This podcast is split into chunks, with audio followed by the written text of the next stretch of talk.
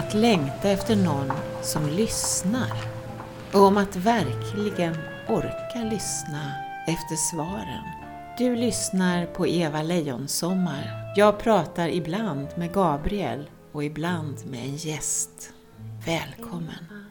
You know what I mean I'm da da da da da It'll come back someday Jag ska prata med Inger Edelfelt Vi ska prata om en bok som hon har skrivit Den heter Om snö och guld Den handlar om Miranda och hennes uppväxt i 60-70-talets Sverige.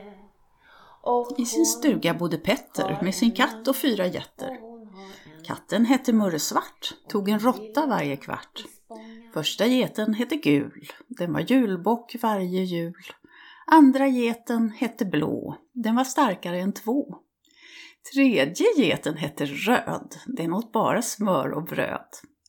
Fjärde geten hette Vit, den var känd för sin aptit. Vad var det där för rim? Ramsa? Eh, Petter och hans fyra jätter, en klassisk eh, sån här bok för ganska små barn i den här gyllene serien. Okej. Och den lärde du dig tidigt? Alltså den eller? Eh, älskade jag när jag var liten. Det är många i min generation som gjorde det. Mm. Spelar du in det här? Mm. um, och Eh, den har kommit i nyutgåva x antal gånger. Mm, Okej, okay, vad häftigt. Ja, eh, jag har gjort en liten, ska man säga, en liten introduktion, försökte jag göra i alla fall. Mm. Och jag började så här att jag fick en låt och det var Rod Stewarts eh, It's not the spotlights, eller hans liksom insjungning av den inspelningen. Det är en gammal låt. Känner du till den? Har du hört den? Nej. Um, och det är lite roligt det där när man liksom får upp någonting som en låt liksom, när man ska ja, ska någonting. Så tänkte jag, ja men vad, vad handlade den om? Ja men det var, det handlar rätt mycket om blick och om liksom det där inre ljuset vi har i blicken. Så då tänkte jag, är ah, det det? För det, mm, så att jag tänker att huvuddelen kanske av vårt samtal kommer att handla om din bok om snö och guld mm och blicken. Och där är det mycket blickar. Det ja, precis. Ja. Och ändå är rubriken för de här samtalen som jag gör nu litteratur och trauma. Mm -hmm. Du har mm. precis klivit in genom dörren och fått en kopp kaffe. Mm. Du brukar inte dricka kaffe vad jag kommer ihåg. Nej, men jag dricker kaffe hela tiden, men jag dricker te också. Okej. Men en fråga sådär, har, du, har, har det hänt något eh, lite småtraumatiskt som du behöver så här, prata av dig om? Alltså det som hände i morse som är orsaken till att jag behövde en kopp kaffe och faktiskt ha lite huvudvärk är ju att jag vaknade glad i hågen och skulle läsa igenom ett manus som jag hade jobbat med jättemycket och som jag var övertygad om var jättebra. Um, vilket kändes hoppfullt för mig eftersom den här pandemitiden så har jag liksom börjat på ett annat manus och det var ingen bra idé så det har jag lagt åt sidan. Och sen hade jag ju då jobbat jättemycket med det här manuset som jag med viss entusiasm kastade mig över i morse och tänkte liksom att ja men det ska bli så kul att läsa det här för det är säkert så bra. Och eh, det slutade ju med att jag först tänkte att ja, men det här kommer jag aldrig att röra vid med det här manuset, liksom, för det funkar faktiskt inte. Um, och sen att jag tänkte att ja, men jag låter det vara ett tag och sen så börjar jag om på nytt igen för fjärde gången. Så att eh, jag känner mig lite trött i huvudet. Okej. Okay. Och ändå kan det ju inte, det här vara första gången som det du liksom nej, nej, inte alls. Det här händer ju hela tiden. Mm. Men på något konstigt sätt så är det alltid en överraskning för mig när det inte funkar. Mm, okay. och sen så tänker jag liksom, fan nu struntar jag i det här. Och sen två timmar senare så börjar det liksom mala i huvudet att ja, men jag kanske kan lägga upp det så här istället. Men jag har mycket i byrålådan som, som inte har funnit sin form. Okej, okay. än? Ja, eller överhuvudtaget. Okej. Okay. Mm. Du har ju ändå väldigt mycket som har funnit sin form. Mm, det stämmer också. Ja.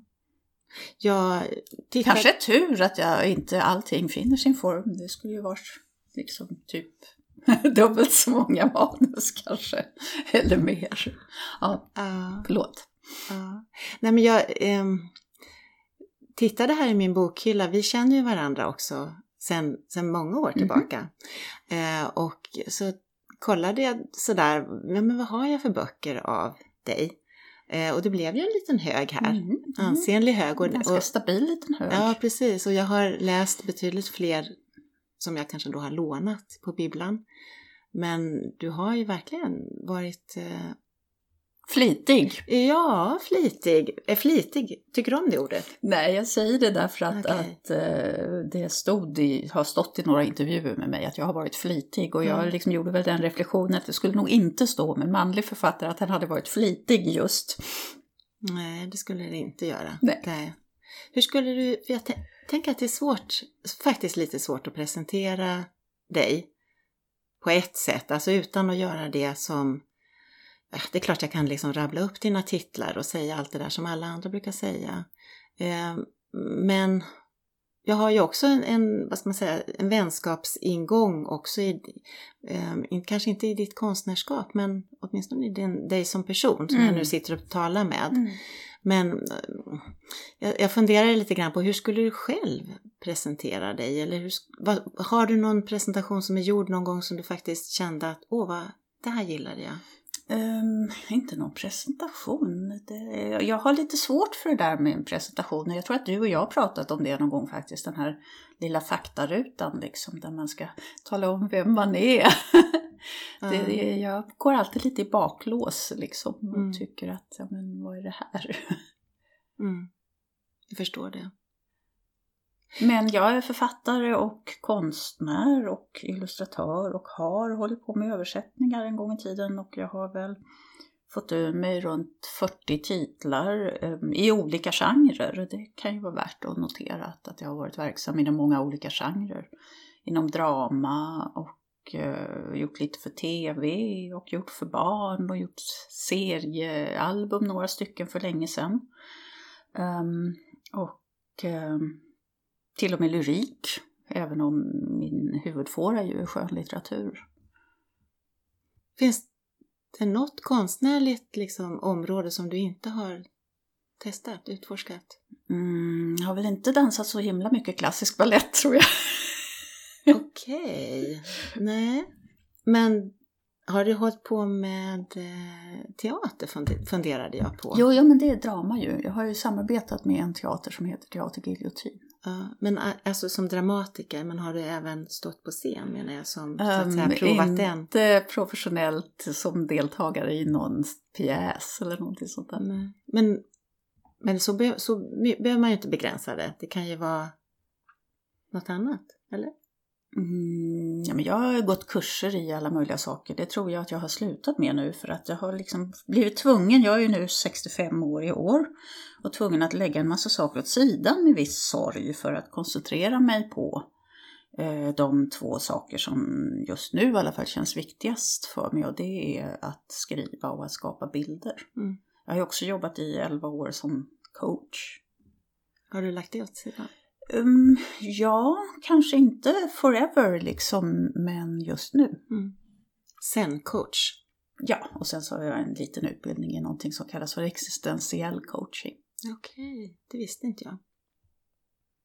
Om jag liksom flyttar blicken bort ifrån ditt ansikte och tänker Inger Edelfelt som, ja, som någon slags manifesterad liksom gnista, så tänker jag att just det här med existentiella frågor är så oerhört centralt. Och eh, du räds inte djupen och eh, inte höjderna heller.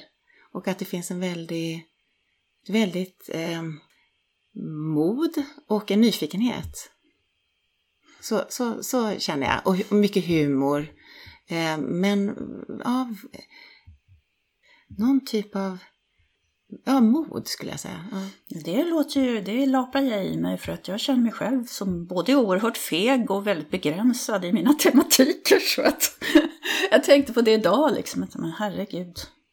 Jag gör ju inga sådana där myllrande romaner liksom som um, analyserar en hel tidsepok och sådana där saker. Jag, gräver mig ju hellre ner i själen på en enskild person liksom på något sätt. Mm. Jag, um, vi ska komma till det nu, Mhm. precis din utgrävning och jag tror att jag kommer att kunna peka på att det kanske kan vara en um, alltså en större, mer politisk, kanske revolutionär text och som säger någonting om vår tid än vad du nu vill kännas vid. Vi får se. Ja, alltså jag tycker ju att eh, den här boken förtjänar en större publik än vad den har och vad den troligtvis kommer att få. Ehm, för jag tycker själv att den har något väsentligt att säga som behöver sägas i vår tid. Så att där håller jag ju med. Mm. Okay. Eh, jag har gjort några anteckningar här om vad jag kunde se som centrala teman och det är blicken. Blicken som är dubbel egentligen, som bro och brygga som tar oss in i världen men som också kan kasta ut oss ur världen och som om inte hjärtat är med så att säga så Mm. kan den vara väldigt hård och väldigt dömande. Ehm, huset känns också, huset och rummet i, det, i den här berättelsen. Mm. Ehm, och jaget, kanske så att huset och rummet är en, en, en synonym eller en, en behållare för, för jag, olika jag då. Flickans jag som har ett flickrum och på ett sätt kanske mammans jag som fyller väggarna eller så. Eh, men det som, om vi nu, i och med att det också är ett trauma, det handlar om i, i den här podden i alla fall, så, så, så skulle man kunna säga så här att eh, det handlar om en, på ytan sett så, så är det en kärnfamilj, det är medelklassområde eh, eller miljö. Mm. Pappan är läkare, mamman är hemma, eh, det är en villa i Spånga som de har flyttat till. Det är eh, en ensam dotter då, Miranda heter hon. Och eh, det är 60-tal, det går Mm. bra för Sverige. Ja. Ja, 60-70-tal och så Mm flickan är mycket begåvad. Kanske, och ja, särbegåvad möjligtvis. Konstnärligt begåvad och språkligt begåvad. Och eh, vad är det i denna på något sätt idyll som gör att den här Miranda då, hon har faktiskt symptom som, som jag tänker att ja, skulle kunna lika gärna komma från Gaza. Alltså, ja. Mm, det är kanske det. Det har jag inte tänkt på egentligen.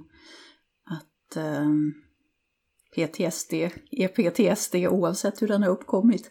Nej. Ehm, nej, men hon har ju till att börja med två ganska grundligt traumatiserade föräldrar som inte liksom har kunnat eller velat förstå sitt eget trauma. Ehm, och det räcker ju långt kan man väl säga. Mm. Verkligen. Det, det, det, alltså själva ramen omkring det hela är ju att den vuxna Miranda, jag vet inte om hon kallar sig det som vuxen Alltså den här flickan hon byter ju namn några gånger eh, när hon tycker att det är dags att förändra sin identitet. Så att, eh, jo men hon kallar sig för Miranda som vuxen och när hon skriver boken så gör hon ju det och tittar på sin uppväxt och ungdom i någon sorts avklarnad förståelse skulle jag vilja säga. Och är väldigt viktigt för mig att säga. Därför att en del människor som har läst den här boken tycker att Åh, det är så hemskt och det är så synd om henne. Och jag tycker inte ett dugg synd om henne för att det här är... Om det finns en blick från den vuxna Miranda så är det ju en blick som på något sätt eh, urskiljer väldigt mycket samband och eh, förstår det här förloppet. Mm. Mm. Jag tänker också att det är fint att du säger just att det är den här seende blicken som den vuxna Miranda närmar sig lilla Miranda eller hon, hon, hon har några pusselbitar som, som hon behöver få lägga i Mm. lugn och ro. Mm. Ehm, och det är därifrån berättelsen kommer. Det är det ehm, den på något sätt börjar och slutar med. Att hon Mm. behöver få närma sig sin egen lilla eh, tjej eller hus och, och, och titta på vad var det egentligen som hände. Och hon gör det med en sån, sån respekt, tycker jag, för barnet. Mm. Och, eh, och det finns inga sådana liksom psykiatriska diagnoser Nej, eller det har jag benämningar. nogsamt undvikit faktiskt. Eh, Det var en poäng liksom tyckte jag. Mm. Att ehm, till exempel så förekommer inte ordet ångest i hela boken. Ehm, även om det troligtvis hon skulle få höra liksom att, att det var det hon hade vid vissa tillfällen och sådär. Sen är det ju flera recensenter som direkt liksom klämmer till med det där ordet psykos och psykotisk. Och det är jag inte heller säker på. Jag menar det finns några händelser i boken, verkligen inte hela hennes uppväxt och hela hennes unga liv liksom. Eh, Där hon går över ett slags gräns av förklarliga skäl på grund av det, det som händer runt omkring henne. Ehm, men eh, jag har inte kallat det för någonting. Nej, och jag tänker att det är att du inte har gjort det gör ju att du kan också ta med läsaren in i en eh, in i den liksom lill, barnets perspektiv och upplevelse och hennes eh, det, går- det går verkligen att känna och förstå hur alla de här sakerna händer henne och hur Mm. mycket hon kämpar också för att behålla sitt förstånd eh, för att kunna knyta an, Mm. för att kunna liksom fortsätta och växa trots att hon har så pass Mm. sv- svåra, eh, vad ska man säga, svåra hinder Ja. utifrån. Ja. Nej, Det ville jag ju verkligen visa. Jag ville ju verkligen visa att, att vilka resurser det kan finnas som kanske ibland tar sig underliga uttryck och vilken hjälp man kan få av inre bilder och symboler och berättelser som dyker upp som, som förvaringsmodul till, till ens trauma. mm. Hon har ju sitt eh, tecknande, Miranda fr- framförallt. Ja, och sitt fantiserande. Hon skapar olika gestalter som hon skapar fantasier omkring. Mm. Jag tänker på en, en bild som hon ritar när hon är, jag vet inte vilken klass hon går i då, helt i lågskolan. Hon ritar den av Jona i valfiskens buk. Ja, ja, jag undrar, det är första klass eller något sånt där tror jag. Okej. Ja.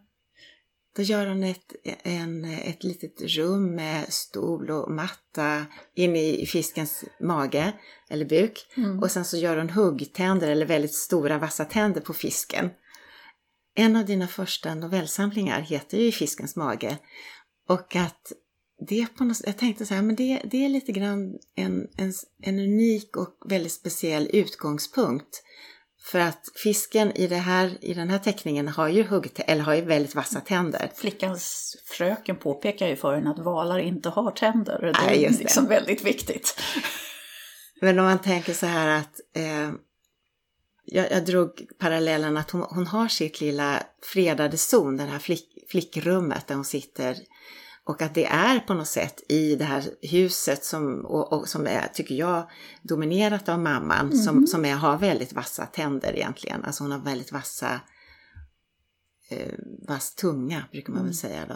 Det finns ju en annan tolkning av den där bilden och det är ju att, att flickan känner sig trygg i valfiskens buk och att tänderna behövs för att försvara sig. Så att, att det är valfritt tror jag. Jag tänkte inte så mycket på det, bara kom, det bara kom med bilder liksom. Så att ja, det... Men det stämmer ju att, att eh, hennes mor är, projicerar väldigt mycket på sin dotter kan man väl säga. Kan man lugnt säga, ja. Jag har eh, de senaste mm, veckan ungefär lyssnat på ett, vad ska man säga, eh, det var lanseringen av en film som har gjorts av en organisation som heter Science and Non-Duality. Mhm. De har gjort en film som heter The Wisdom of Trauma Jaha. med Gabor Maté. Ja, en favorit. Ja, och under den här lanseringsveckan när filmen fanns tillgänglig då på, på nätet så hade de samtal varje dag, flera stycken, med ledande olika traumaexperter. Och det var aktivister och det var forskare och det var alltså trauma från alla möjliga olika vinklar. Eh, rasism och hållbara samhällen eller relationer, eh, attachment, mm. eh, fysiologiska, psykologiska, alla möjliga varianter liksom för att kunna ta just det här helhetsgreppet på trauma. Eh, som jag har lyssnat på och blivit väldigt inspirerad av. Men en sak som sägs där är att trauma, om man inte kan förstå, alltså if you don't make sense liksom, ja. så för man det vidare upplevelsemässigt. Liksom. Mm. Så jag tänker att den här mamman förstår inte Nej. vad hon har varit Nej. med om. Men hon för någonting vidare väldigt mm. starkt hela tiden. Liksom. Ja, så det hon gör är ju egentligen från första början, apropå det här med blickar, ehm, ett väldigt stort övergrepp där hon liksom förmodligen själv känner att hon vill ta avstånd från det här barnet men gör om det till att barnet vill ta avstånd ifrån henne. Och till och med säger det till barnet när barnet är tillräckligt gammalt för att förstå. Mm. Det är så starkt den här, de här första inledningen av boken, alltså de här raderna. Eh, du kanske kan du läsa? Absolut. Ja, första sidan tänker jag främst faktiskt. Ett foto av en mor och ett nästan nyfött barn. Det är du och jag, Gerda. Men du ser så varmt och innerligt på mig. Det förbryllar mig. Du eh, bär en sommarklänning medan jag är inbyltad i mössa och skyddande höljen en liten kolmask bara. Ansiktet är pyttelitet, ögonen stängda. Kanske sover jag. Är det därför du kan titta på mig så ömsint? För att jag inte ser på dig? Genom alla år återkom du ju till det där med min blick, hur kritiskt jag tittade på dig redan som nyfödd. Det var något att skämta om och du gjorde det ofta. Min tro är att blicken hos nyfödda barn handlar om den svarta rymd de kommer ifrån. Det stora oförklarliga, obenämnda speglas fortfarande i deras ögon. Så det var nog det oförklarliga du såg och inte tålde anblicken av. Du fick en chock där du hade väntat dig villkorslös kärlek. Där fanns det svart rymd. Men ändå. Hur kunde du få den där fixa idén? Hur kunde du tro att ett nyfött barn kan kosta på sig att hata sin mor? Mm. Tack.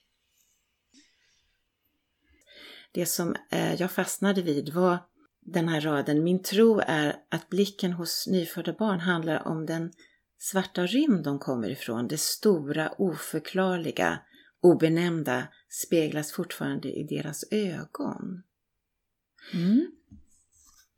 För jag funderar så på det här som du sa förut, vad du hade velat egentligen kanske fästa läsarens uppmärksamhet på och det är ju att hon har tillgång till någonting, en, en källa, en, mm. en, en, ett ymnighetshorn egentligen av, eller vad skulle du kalla det? Är det det, det stora oförklarliga eller det stora, ja?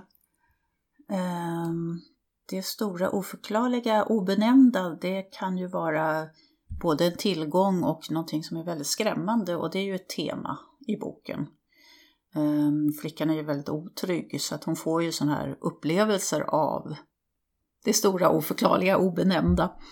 Ehm, som kanske eller kanske inte kan skapa psykos och som framförallt troligtvis kan förväxlas med psykos av övernitiska, eh, möjligen mm, professionella. Jag vet faktiskt inte, det, jag ska inte säga så mycket om det.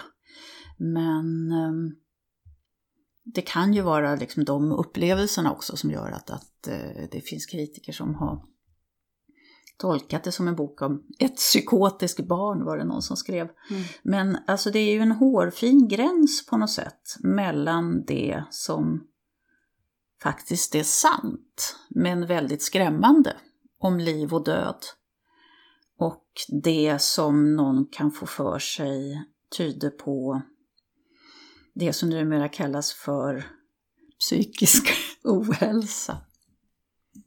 Mm på ett sätt kanske om man gör det lätt för sig, då tar man till de här rubrikerna. Okej, okay, disso hon dissocierar, hon, hon har, uppfyller alla kriterierna på PTSD. Men då missar man ju helt och hållet att den här, det oförklarliga eller den, den, det finns en väldig kraft, en, en, någon slags läkande, vidunderlig också styrka. Farligt, ja, men också någonting som vi inte kan benämna kanske. Mm. Jag skulle gärna vilja, jag vet inte vilken sida det är mm. på, men hon ställer sig ju vissa frågor i tioårsåldern. Nu är ju inte det här en bok om mig, men delvis är det väl det i så mått att, att flickan påminner på vissa sätt om mig. För jag ställde mig också de här frågorna i tioårsåldern. Och det är frågor som verkligen kan slunga en ut i det här eh, obenämnda liksom. Mm. Nu vet inte jag vad de är, du har väldigt många bokmärken här som jag känner mig smickrad av. Här börjar det. Mm, okay. Så, Mamma, är evigheten och döden samma sak? frågar hon sin mor. Sånt där ska man inte fundera på, då blir man nipprig till slut. Men de där tankarna, de som löpte ut i svarta rymden och förlorade sig där. Hur kan det vara möjligt att jag är ett jag inne i mig när alla andra är ett jag inne i sig? Vad är då ett jag? Varför är jag just jag och inte någon annan? Tänk om någon drömmer våra liv. Och hur skulle allting vara om vi inte hade bestämt vad allting hette? En hand, är det inte väldigt underligt? En hand och fingrar, en eh, kropp och den är min. Men jag har ju inte gjort den. Vem är det som tänker det här som jag inom citationstecken tänker nu?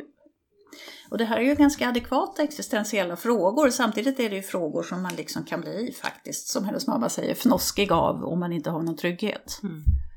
Så att, uh, ja.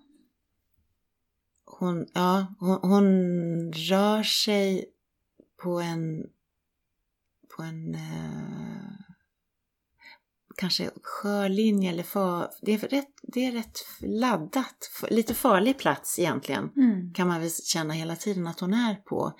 Eh, för att det är, hon är otrygg och, och eh, det är så starka upplevelser som mm. hon har. De kommer både i hur hon varse blir det som kommer utifrån men hon har också väldigt starka egna känslor som kommer inifrån. Mm. Och ingen egentligen att prata med, ingen som kan ta hand, alltså ja. Nej, hon säger ju det vid något tillfälle att hon är liksom, man, det kan vara så att man är rädd både för det som kommer inifrån och det som kommer utifrån. För hon är ju mobbad i skolan och hon, man får väl säga att hon är mobbad hemma också. Det mm. är väl ingen överdrift. Även om hennes pappa på sitt disträ sätt kanske ser henne mer än vad mamman gör. Men eh, det finns inte så mycket av honom till hands till henne. Nej, hon, jag tänker just det här när hon blir mobbad och så, kommer, så har de ju två olika responser på det, dessa traumatiserade föräldrar. Mm. Och de serverar ju henne sina egna, sina egna sätt att hantera trauma på. Mm.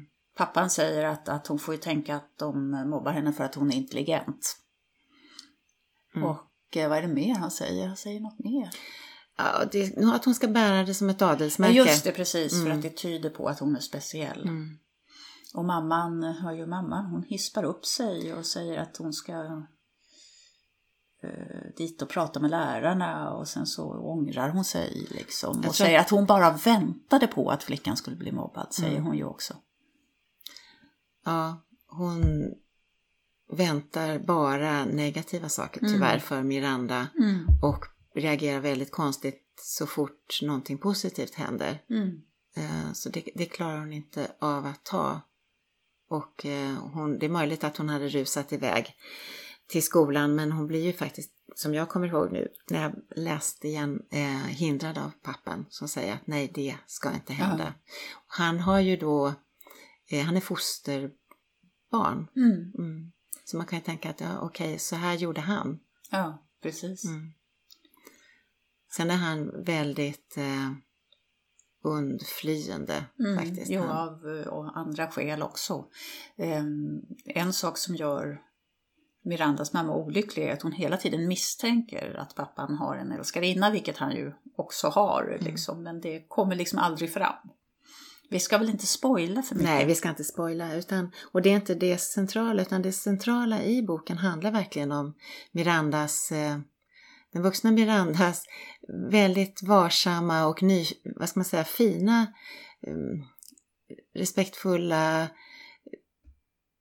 följande av lilla Mirandas Mm. liksom, väg. Och hur hon, hon kämpar ju också, Miranda, lilla Miranda då, att eh, knyta an till andra Mm. utanför.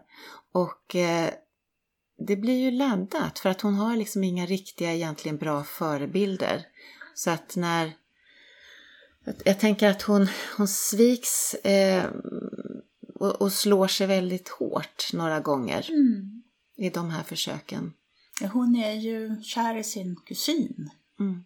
Och eh, han tycker väl mest att hon är en lustig liten typ. Liksom. Men hon eh, bygger ju upp sådana ex- extrema fantasier kring honom just därför att han har känts som en lierad i eh, den här synen på föräldrarna. Att det verkar som att han faktiskt ser att föräldrarna håller på med någonting konstigt. Mm. Och eh, han kysser. Ups, vi ska inte spoila vad det Men hon, hon eh, sätter väldigt stora förhoppningar till honom och sen så sker det någonting väldigt olyckligt som gör att, att hon får ett fall from grace, vad nu det kan heta på svenska, varsågod.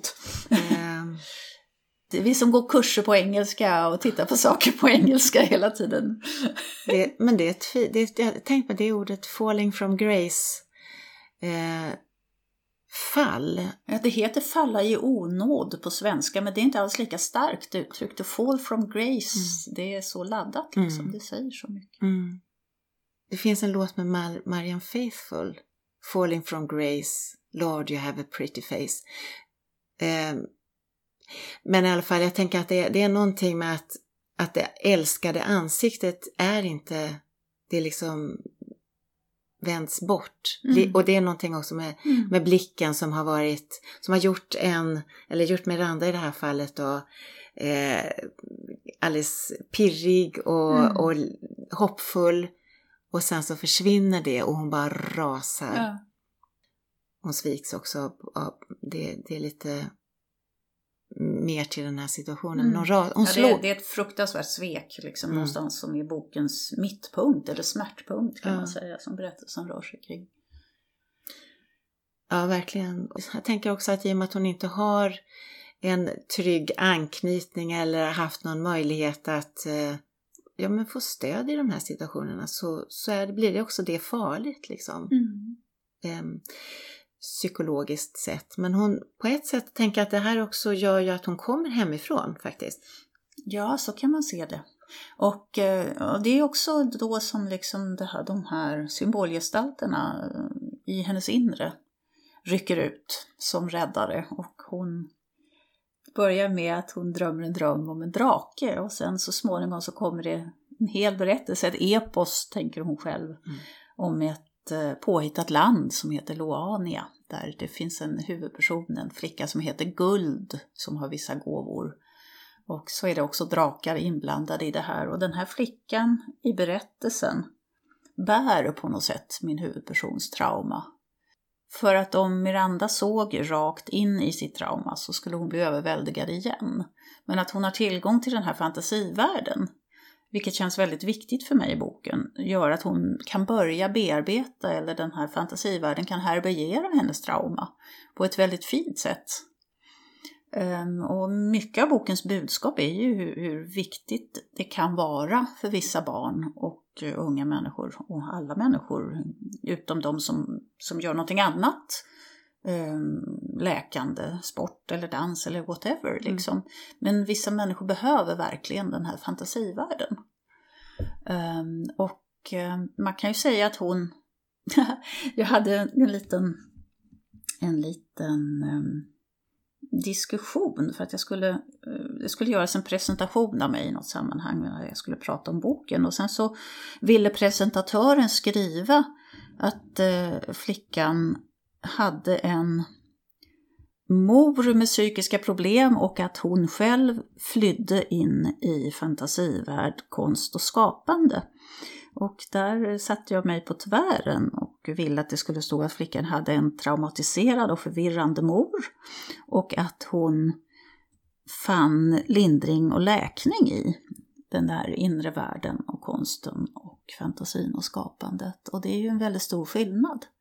För att en del människor reagerar på den här boken med att känna, sig, känna någon sorts klaustrofobi, nästan att stackars tjej som är instängd med sin egen fantasi. Och eh, jag ville väl visa att det är så hon klarar sig. Att hon naturligtvis så småningom, hon träffar ju två terapeuter som hjälper henne också och stödjer henne och har kontakt med den yttre världen, för det behöver hon ju också. Men eh, jag ville väl dra en lans för det här med fantasi och konstnärligt skapande. Mm. Det är ju spännande tycker jag just när hon kommer hem från sin utflykt och sin kraschlandning efter att hon har haft det här, vad ska man säga, sammanbrottet. För att då är ju, tänker jag också... Familj... Det är väl lika bra vi säger att hon ligger på Sankt Görans ungdomspsyk, okay. annars blir det lite larvigt. Ja, precis. Ja, hon, hon, eh, hon blir inskriven och är där under några vinter, en vinterperiod i alla fall. Mm. Så därav snö, bland annat. Ja, alltså snön är också där när hon Ja, nu, det här ska vi inte spoila, men Nej. snön spelar roll. Det mm. blir som en symbol för perioder när, när någonting är väldigt smärtfyllt. Ja, precis. Det är flera, flera sådana episoder. Ja. Och guld, å andra sidan då, det är den här... Äh, Flickan i fantasivärlden, ja. Mm. Hennes eh, alter ego mm. som... Som bär flickans värde på något sätt. Därför att, att guld är ju en symbol för värde. Mm eh, i och med att mamman har haft så stor, eh, stort inflytande på hennes liv i den här villan så kommer hon på något sätt med någon slags mantel av att vara på ett sätt utvald att föda fram den här berättelsen som jag tänker skyddar henne väldigt mycket. För att hon, hon är ju egentligen jätteutsatt som eh, någon som har kommit tillbaka från mm. Sankt Görans mm. ungdomspsyk. Mm. Men här känns det som att hon har ett skydd. Ja. Mm. Och hon är ju också i den lyckliga situationen att uh, hon faktiskt har gått ut nian och gymnasiet är inte obligatoriskt. Så att då blir det ett sätt för henne att sätta ner foten i och vägra gå i gymnasiet. Vilket föräldrarna naturligtvis, speciellt pappan då, är förtvivlade över mm. eftersom mm. de ju tycker att det är viktigt att hon är så himla intelligent och allt det där. Mm. Och att naturligtvis de hoppas på en framtid för henne med utbildning och så vidare. Det ska man inte glömma. Nej, precis. Hon utbildade, eller hon kommer ju senare i, i historien då att... Gå på en folkhögskola, så jag drar liksom en lans för folkhögskolor också. Vilket också kan behövas i dessa dagar. Ja, verkligen. Där, där tänker jag, nu hoppar vi lite, lite kanske stora kliv framåt, men där så får hon ju också en spegling i jämnåriga mm. ungefär mm, i alla fall. Som också har saker och ting i ryggsäcken som inte är sådär alldeles lätta att bära på. Nej, precis. Och där hon kanske då inte, hon har, hon har varit den som har sett som en väldigt udda och knäpp fågel. Mm. Här är hon kanske inte, verkligen inte den som är mest knäpp liksom. Ja. Eller hon, hon, har möjlighet att se. Uh, människor som, som, som inte passar in i en fyrkantig mall kan man väl säga. Mm. Jag vet att jag slog upp boken sådär som man kan, ibland kan göra, ta ett tumgrepp och så landade jag på en sida när hon har visat sina tavlor för den andra terapeuten, Märit. Mm. Och eh, Märit är inte lika villig att gå, gå, gå med i förtrollningen och förtjusningen som den tidigare Yvonne, Yvonne ja. har varit. Ja, hon avverkar ju två, två terapeuter där, där den ena är liksom, luktar eh, indisk parfym och eh, är liksom väldigt färgrik och liksom är väldigt fascinerad av flickan och det hon, hon eh, berättar i de här bilderna då, suggestiva bilderna från det här fantasilandet. Och sen händer det lite saker som vi inte ska tala om vad det är. Ehm, och sen får hon istället gå hos den här första terapeutens handledare som är en gammal äldre trygg dam som kanske är lite mer prosaisk men som lär flickan kanske mer om hur man hanterar den yttre praktiska världen. Jo, precis. Och så vad, jag fastnade för det var, det var den här, mm, hon, hon dealar ju lite då, Miranda, med att Märit faktiskt inte blev helt och hållet förtrollad. eh, Utan hon säger så här att, nej men vi tar det där med dina tavlor sen, men hur mår du? Ja. Ungefär. Och då, då har, nu hittar jag inte raderna, men där står det någonting om att hon, hon vill ju egentligen eh, gärna bli sedd som den här på något sätt portalen eller portvakterskan Mm, ja, till det här stora vidunderliga. Liksom. Ja, kan du inte precis. se det, att jag är Precis. den? Som, Och egentligen är ju alla människor den här portalen på något sätt. Och eh, livet blir väl mycket mer spännande om man ser det så. Eh, så att eh, det kanske låter lite raljerande det här stället där. Jag tror hon konstaterar att eh, flickan att, att ja men Marit kan inte se det här. Hon kan inte se att jag är den här fantastiska mirakulösa människan. Och eh, det är någonting som man kan raljera lite om och säga då som jag har sagt ibland att ja men den här flickan är ju på ett sätt grandios. Eh, grandiositet är ju ett sätt att klara sig men på ett annat sätt så är det ju sant. Att eh, den här mirakulösa dimensionen eller det här, det här som vi inte till fullo eller kanske inte alls kan förstå med vårt förnuft. Att det kan behöva hedras. mm. Och om de, de upplysta mästarna konstaterar att jag är Gud. eh, Och Så blir får- de avrättade. Så blir de antingen avrättade eller eh, om de kommer undan med det då så är det liksom uttryck då för en, för en upplevelse av att vad kanske vara det som, det som Miranda vill, vill bli bekräftad i, att hon, att hon också är detta stora. Mm. Jag har ju en favorit, ett favoritcitat från Mäster Eckhart som är liksom på något sätt att, att eh, ytterligare tillföra någonting till det här med jag är Gud som kanske gör att jag, jag är Gud kan ju lätt missförstås som grandiositet. Men eh, Meister Eckhart säger det öga som jag ser Gud med är det öga som Gud ser mig med. Om jag minns citatet rätt. Och det blir som någon sorts underbar koan liksom, som Mm. får med så mycket. Mm.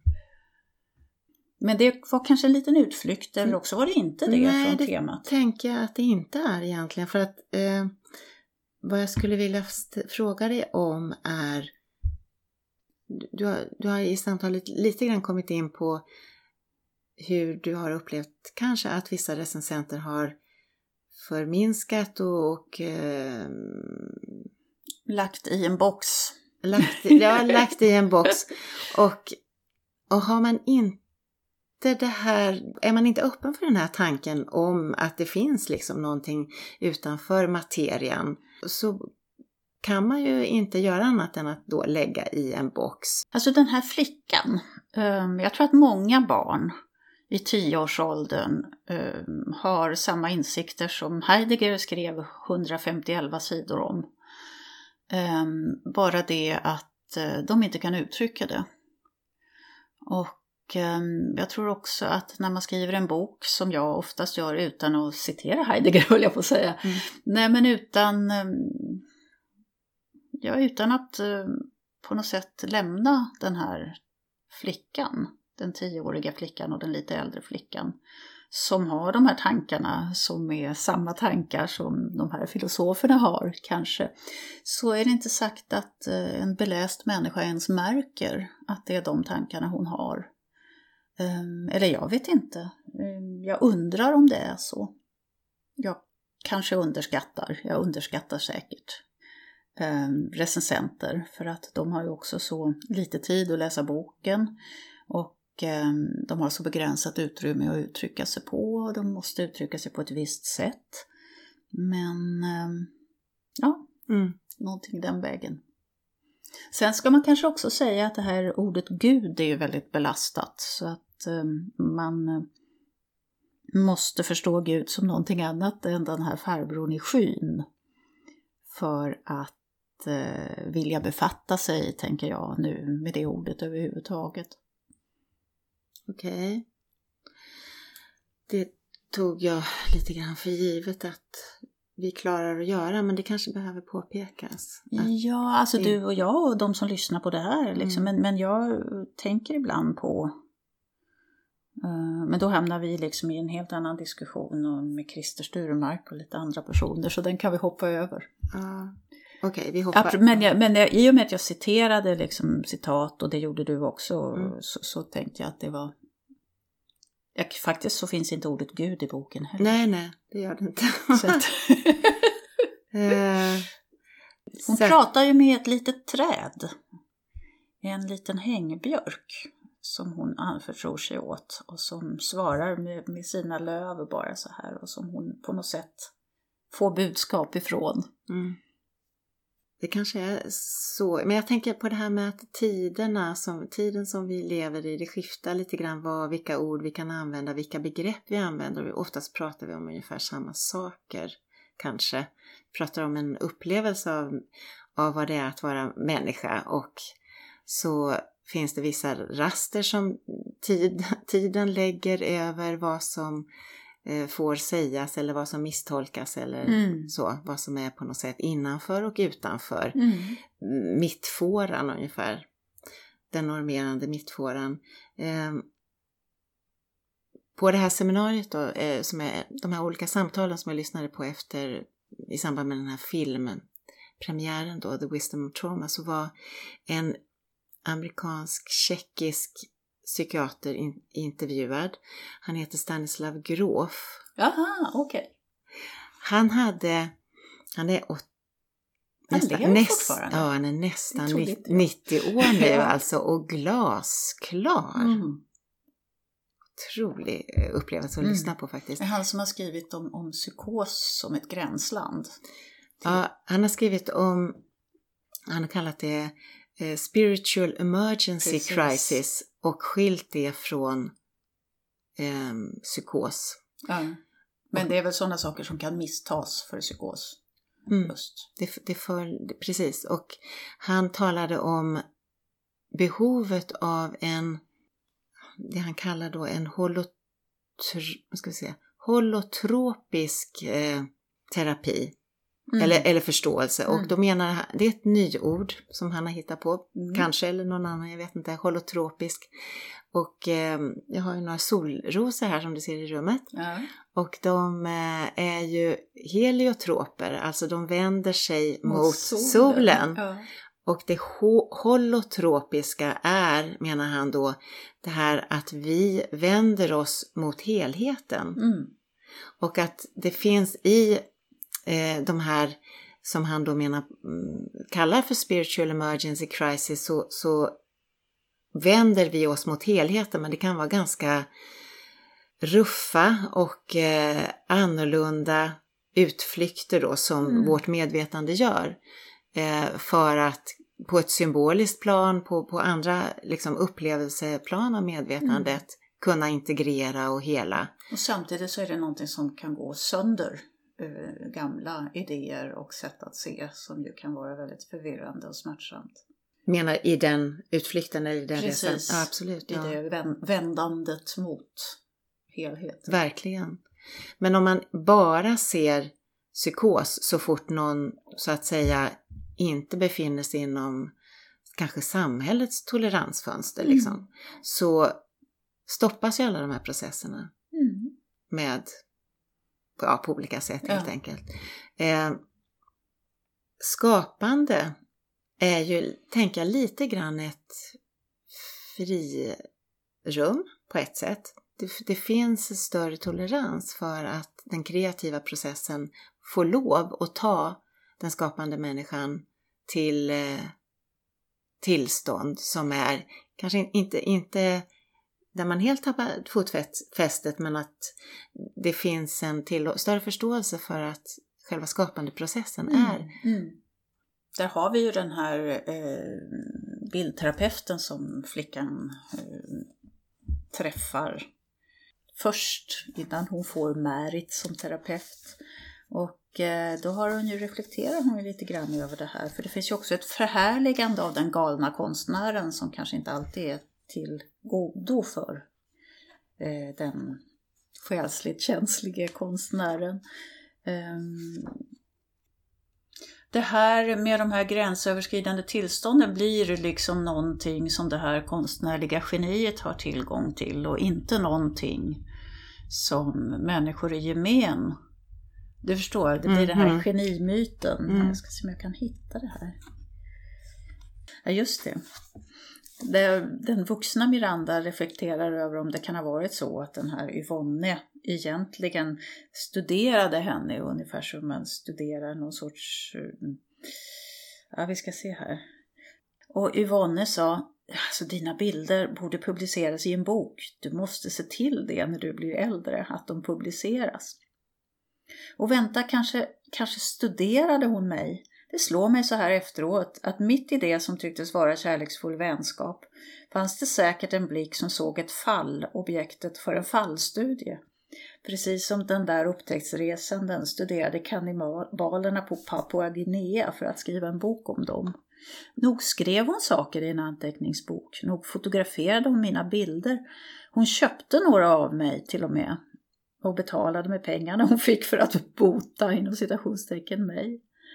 Såg hon verklig särskildhet i det jag gjorde? Ville hon vara med på ett hörn när min konst blev världsberömd?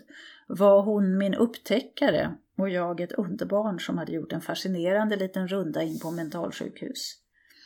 Eller tyckte hon bara om mig helt enkelt? Eller rent av både och?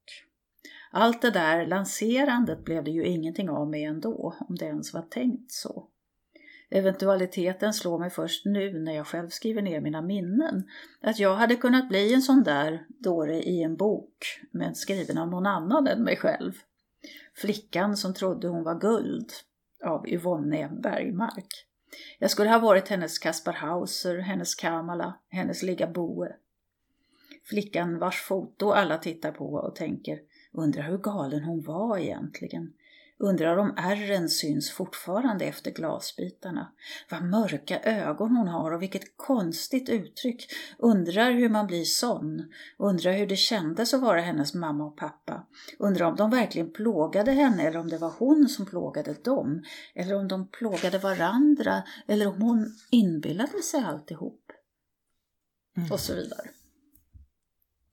Vad tänker du vad tänkte du när du liksom skrev. Nej, men jag tänker på det här på något sätt att, att jag är också väldigt fascinerad av, av den här typen av konst som på något sätt kommer ur någons plågade inre. Som Ligaboe som sprang omkring med en spegel liksom och, och tittade i sin egen mun när han målade liksom rytande lejon. Och, och um, alla de här särlingarna i konsten som de ju kallas för.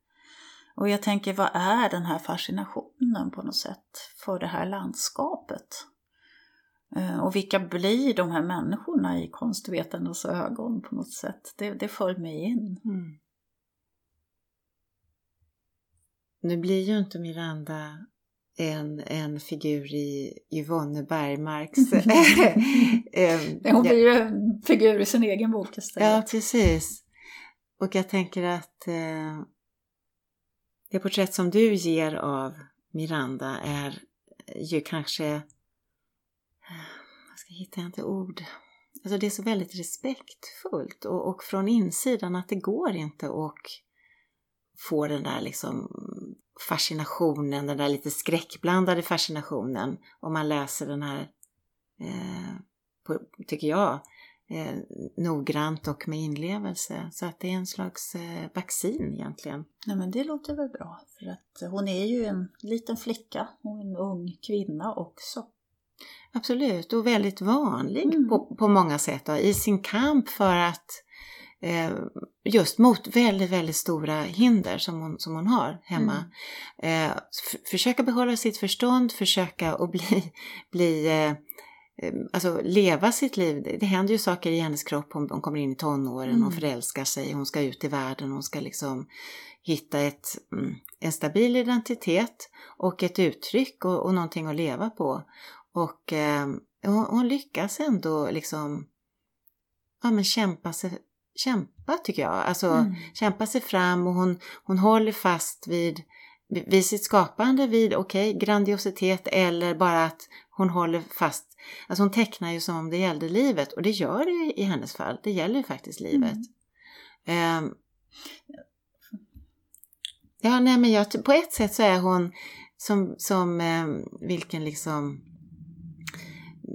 Kajsa Kavat eller um, tuff tjej liksom, mm. som helst. Mm. Med, lite, med väldigt an, annorlunda då förtecken, men själva den där, nej jag ska. Ja, och mycket av det, jag menar, jag, jag tycker eh, det är roligt liksom att psyket är ju så listigt i sina överlevnadsmekanismer. Ehm, hon är ju, flickan bär ju på väldigt mycket ilska och som tar sig uttryck som förakt till exempel.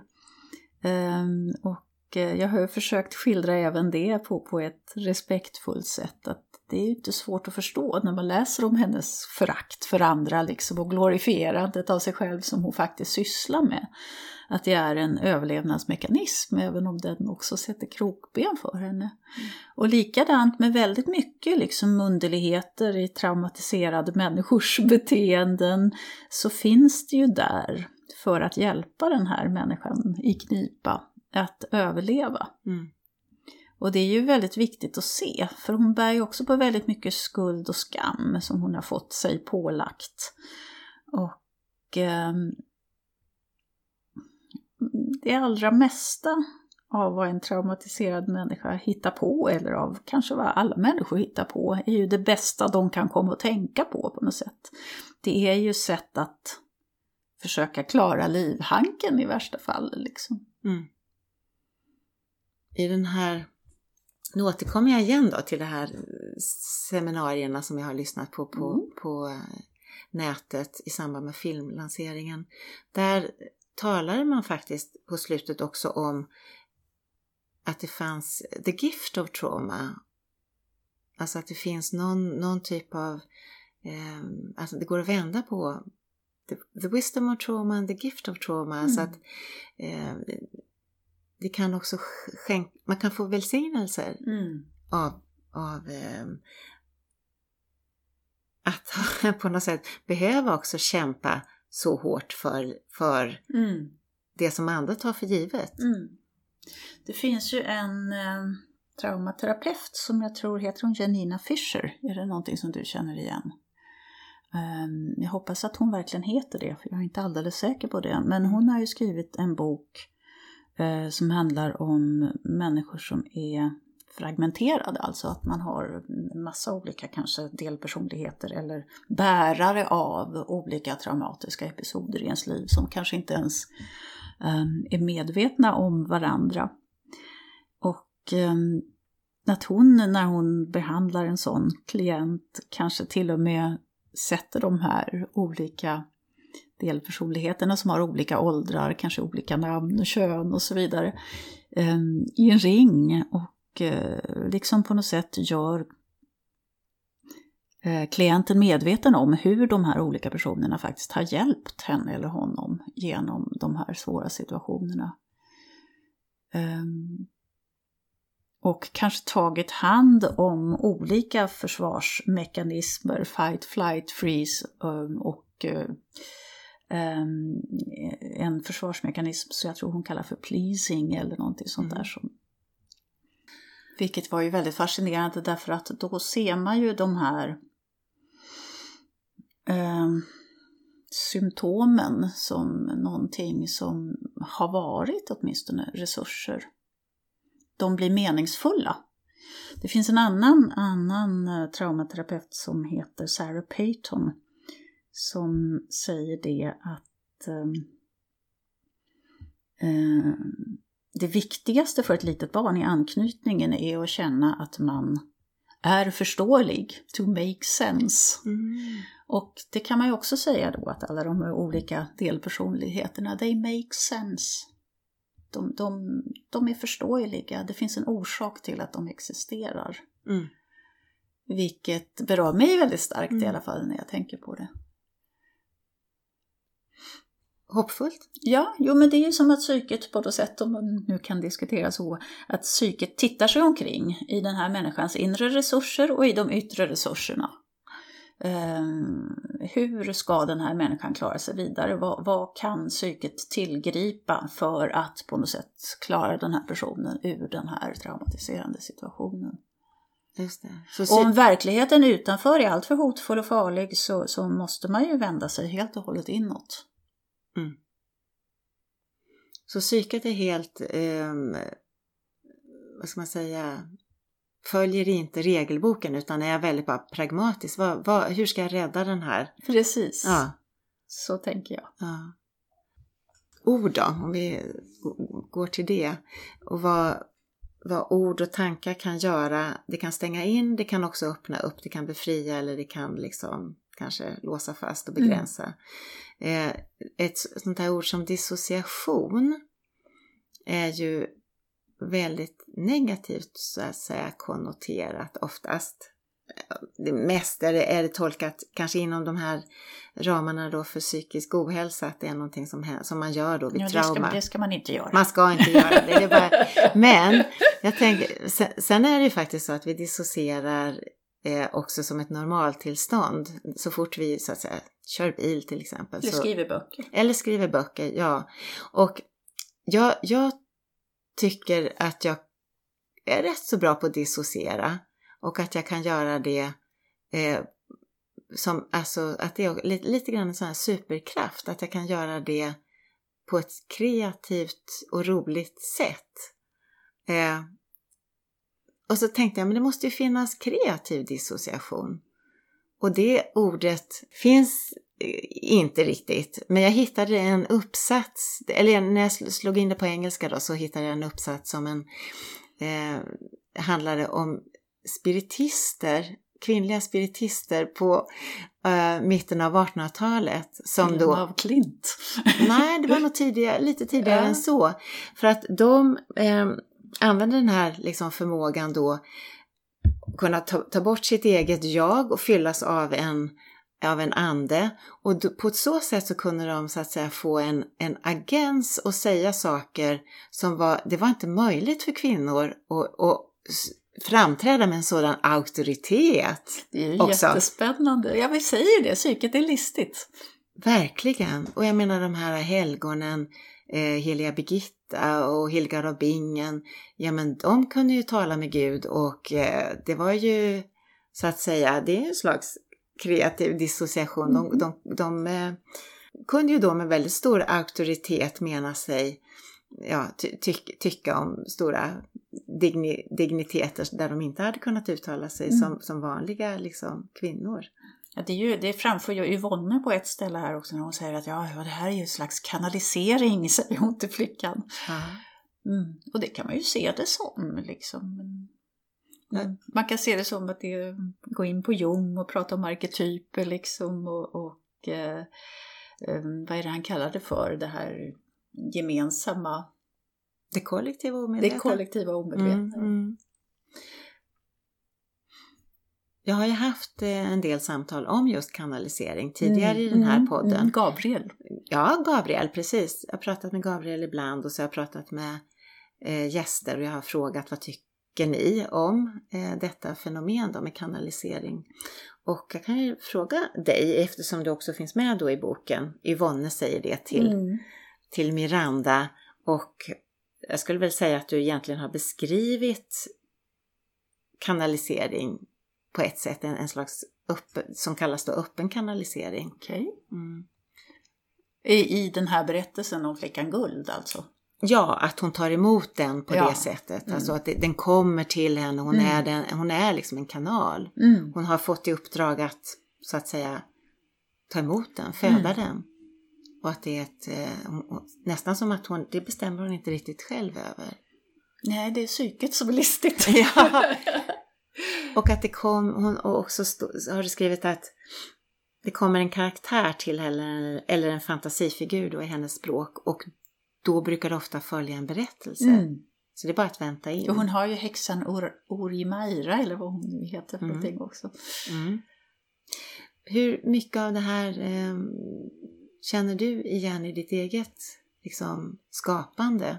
Att du... Alltså den här flickan är ju, eh, du säger att hon är särbegåvad och jag tänker nog att hon är mycket mera renodlad än, och mycket mera ensam. Mycket på ett sätt mera utsatt än jag. Hon är väldigt renodlad som gestalt. Um, och jag skrev inga epos när jag var 15 år. Inte på det här sättet. Um, jag ville göra henne tydligare än vad jag egentligen var eller är. Som man ju alltid gör i böcker. Um, jag vet egentligen inte, jag har egentligen ingen åsikt om sådana här saker mer än att jag märker att det finns sätt att närma sig en visdom som man kanske inte riktigt visste att man hade. Och var den kommer ifrån, det, det behöver jag egentligen inte veta eller sätta någon Ehm, etikett på eller något. Men, men när jag lyssnade på dina poddar och du pratade om Gabriel så tänkte jag på... Jag har ju gått på en massa kurser och varit med på en massa eh, seminarier och, och, undersökningar. Liksom. Och en av de grejerna som, som jag tycker är ganska kul, som, som är rätt vanlig att, att man gör liksom, i lite fantasifullare psykologiska sammanhang är ju det här när man frågar sin inre rådgivare. Och man får föreställa sig att man liksom går i ett landskap och man ska så småningom komma fram till någonstans där man träffar den här vise mannen eller kvinnan. Mm. Um, och sen så ska man lyssna vad, vad hen har att säga. Och det är ju lite grann samma sak som din Gabriel. Och Eh, jag tror att väldigt många fler människor har ju den här förmågan än de som kanske egentligen själva vet om det. Mm. Det är ju på något sätt nedlagt i oss. Tror mm. du inte det? Ja, absolut. Det tror jag. Definitivt. Jag tänker att det är en, eh, mycket, både mycket mindre mystiskt än vad man kan tro. Och, och mycket mera mystiskt. Precis, precis, det är det, det paradoxala och mycket mera mystiskt. Eh, men jag tänker just på eh, jag, har, jag har en bok som, som riktigt sån här liksom kanaliseringsbibel eh, av en amerikansk eh, psykiater är han väl tror jag. Som går igenom olika typer av, eh, alltså dels kanaliseringens historia men också hur, hur man kan se på kanalisering på olika sätt. Men han pratar också om öppen kanalisering mm. där han talar om just skapande eh, människor som har vittnat om det här, alltså det här tog, det här, det var inte jag. Alltså jag tog emot någonting. Mm. Och då är det, talar vi om väldigt mycket av, av vår kulturhistoria, Jaha. alltså kända, mm. kända mm. saker. Och att det är ganska, det är ganska, mm, jag tänker att det, det är många som har varit med om och återkommer om man nu eh, ägnar sig mycket åt skapande. Åtkom, alltså det, är, det är någonting som man oftast är väl förtrogen med det här tillståndet av att man, om man nu vill kalla det att jag blir inspirerad eller det rinner till eller liksom att, men att mycket av konstnärens arbete handlar om att, att se till att man kan försätta sig i det här tillståndet mm. också. Att man kan vara öppen för att ta emot. Är det någonting som, som du tycker känns bekant eller vad? Det jag först associerar till är ju, eh, eftersom jag håller på med bilder också, är ju det här stadiet som jag tror att de flesta som håller på med bild upplever när, när en, man står och tittar på en bild som den är okej okay, men den känns inte särskilt intressant. Och sen så står man och tittar och tittar och tittar och plötsligt är det som att bilden talar om vad det är som behöver läggas till. Är det sådana tillstånd du menar? Ehm, jag vet inte. Kan vara så. Ja, kanske. Jag vet, ja. Eh, då är man kanske mer i dialog med någonting. Jag tänker nog mer på att att det, att det från, från, från början också kan kännas som att det, det skapande, det som man så att säga framföder har en, e, ett eget identitet närmast eller väsen eller en, en eh, vill bli till så att säga. Mm, ja men det känner jag ju igen. Ja, vi kanske inte behöver krångla till det mer än så. Men det kallar inte du kanalisering? Nej, alltså jag kanske inte vill kalla det för något. Nej. Därför att eh, om man tänker att allting skapas eller alstrar, alstras hela tiden ur en okänd källa som vi inte heller behöver heta någonting. Så är ju jag som själ och person en del av den alstringen. Och det som kommer ut ur mig i form av konstnärliga uttrycket är en del av samma alstring på något sätt. Och det är då, om man ser det på det sättet, egentligen inte jag som gör det och så där vidare och så vidare. Mm. Um, men um, jag är inte säker på att det är så bra att slå fast vad det eventuellt är för någonting. Mm. Det har jag nu då gjort genom att beskriva det här, att det kommer ur någon sorts källa som i ett flöde som jag är en del av. Um, det som är viktigt är väl att det här får finnas liksom på något sätt. Och för att det ska kunna finnas så tror jag att man behöver dels en hel del tid för sig själv. Ehm, dels en hel del frihet från det som brukar kallas för den inre kritiken. Eller överjaget då kanske Freud skulle ha sagt. Um, och dels en syn på människan där det här ingår som en naturlig del.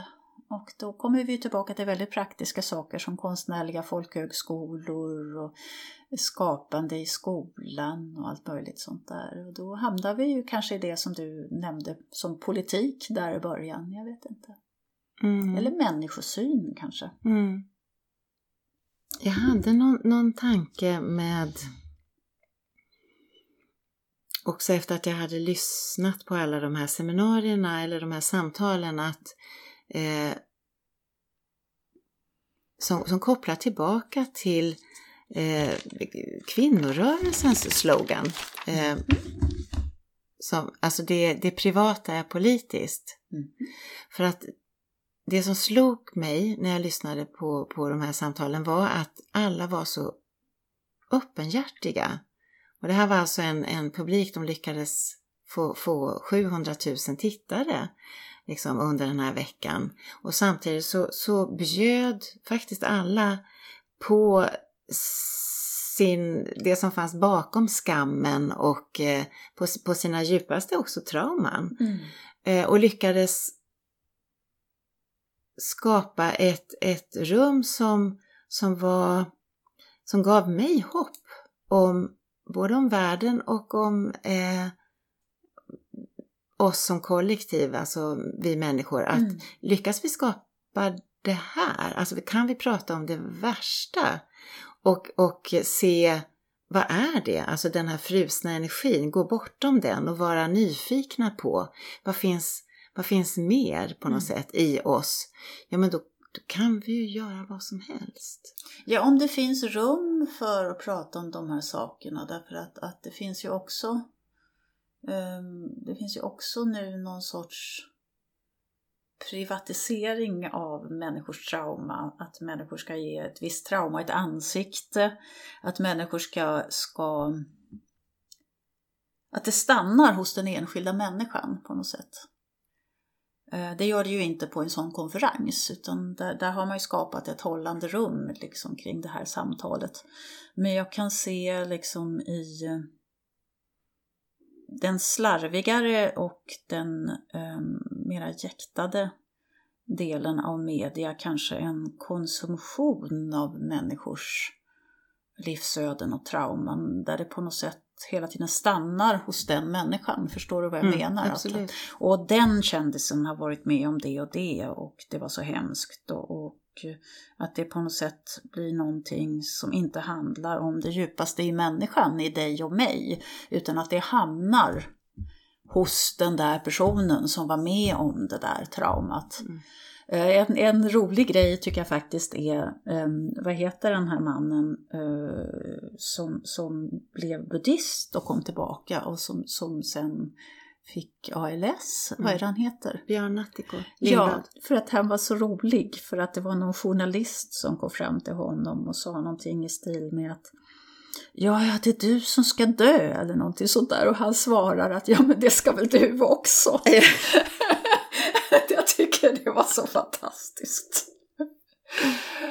För att det blir på något sätt att, att människors smärta hamnar i små boxar och blir bara deras smärta mm. och inte smärta som vilken människa som helst kan Förstår du vad jag menar? Jag förstår, jag, jag förstår, absolut vad du menar och vad du tänker. Jag tänker att det eh, tror jag gör att, att väldigt många då liksom kanske är väldigt privata och, och tysta Mm. och inte vill träda fram för att det blir mm. de här portalfigurerna som också, som också lätt... Som får bära liksom på ja, något sätt ja. det som egentligen angår alla människor. Ja. Det, blir, det är väldigt konstigt. Mm.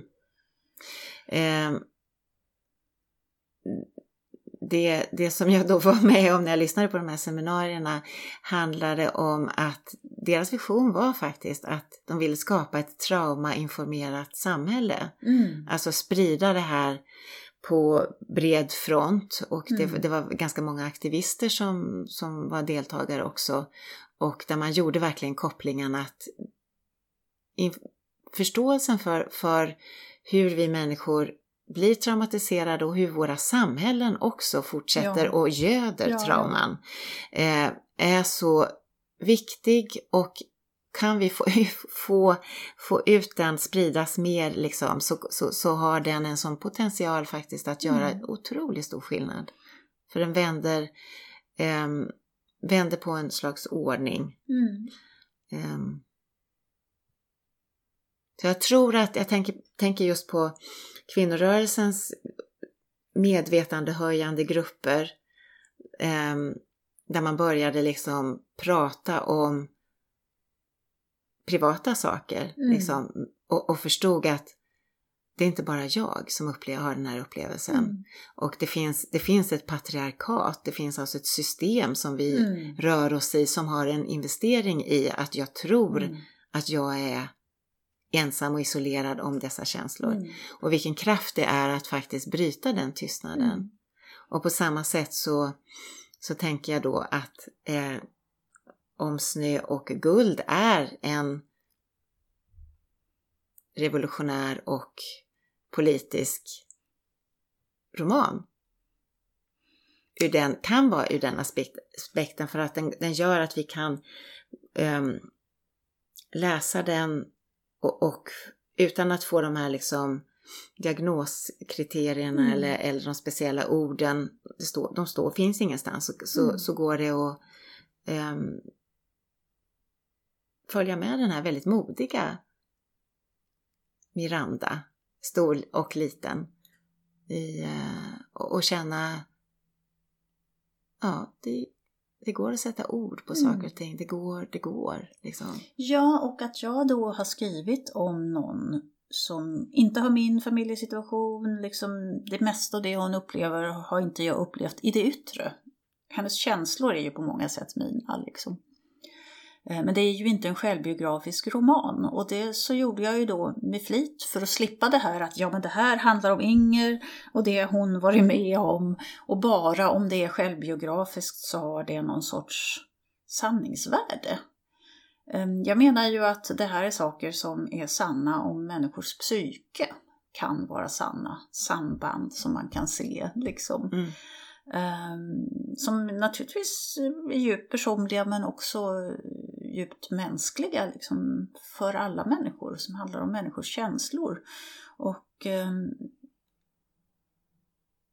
jag ville att det skulle vara på ett sätt en allmängiltig bok. Jag mm. har aldrig egentligen velat skriva eller kunnat skriva en självbiografi. Men som det är nu så har det på något sätt blivit så att det som är självbiografiskt betraktas som mera sant mm. eller har mera bärkraftighet, mera och eh, personligen med mig, om jag skulle skriva en självbiografisk bok eh, så skulle den förmodligen bli väldigt tråkig. ja. och meandrande fram och tillbaka för att jag känner också att jag är inte samma person från den ena dagen till den andra.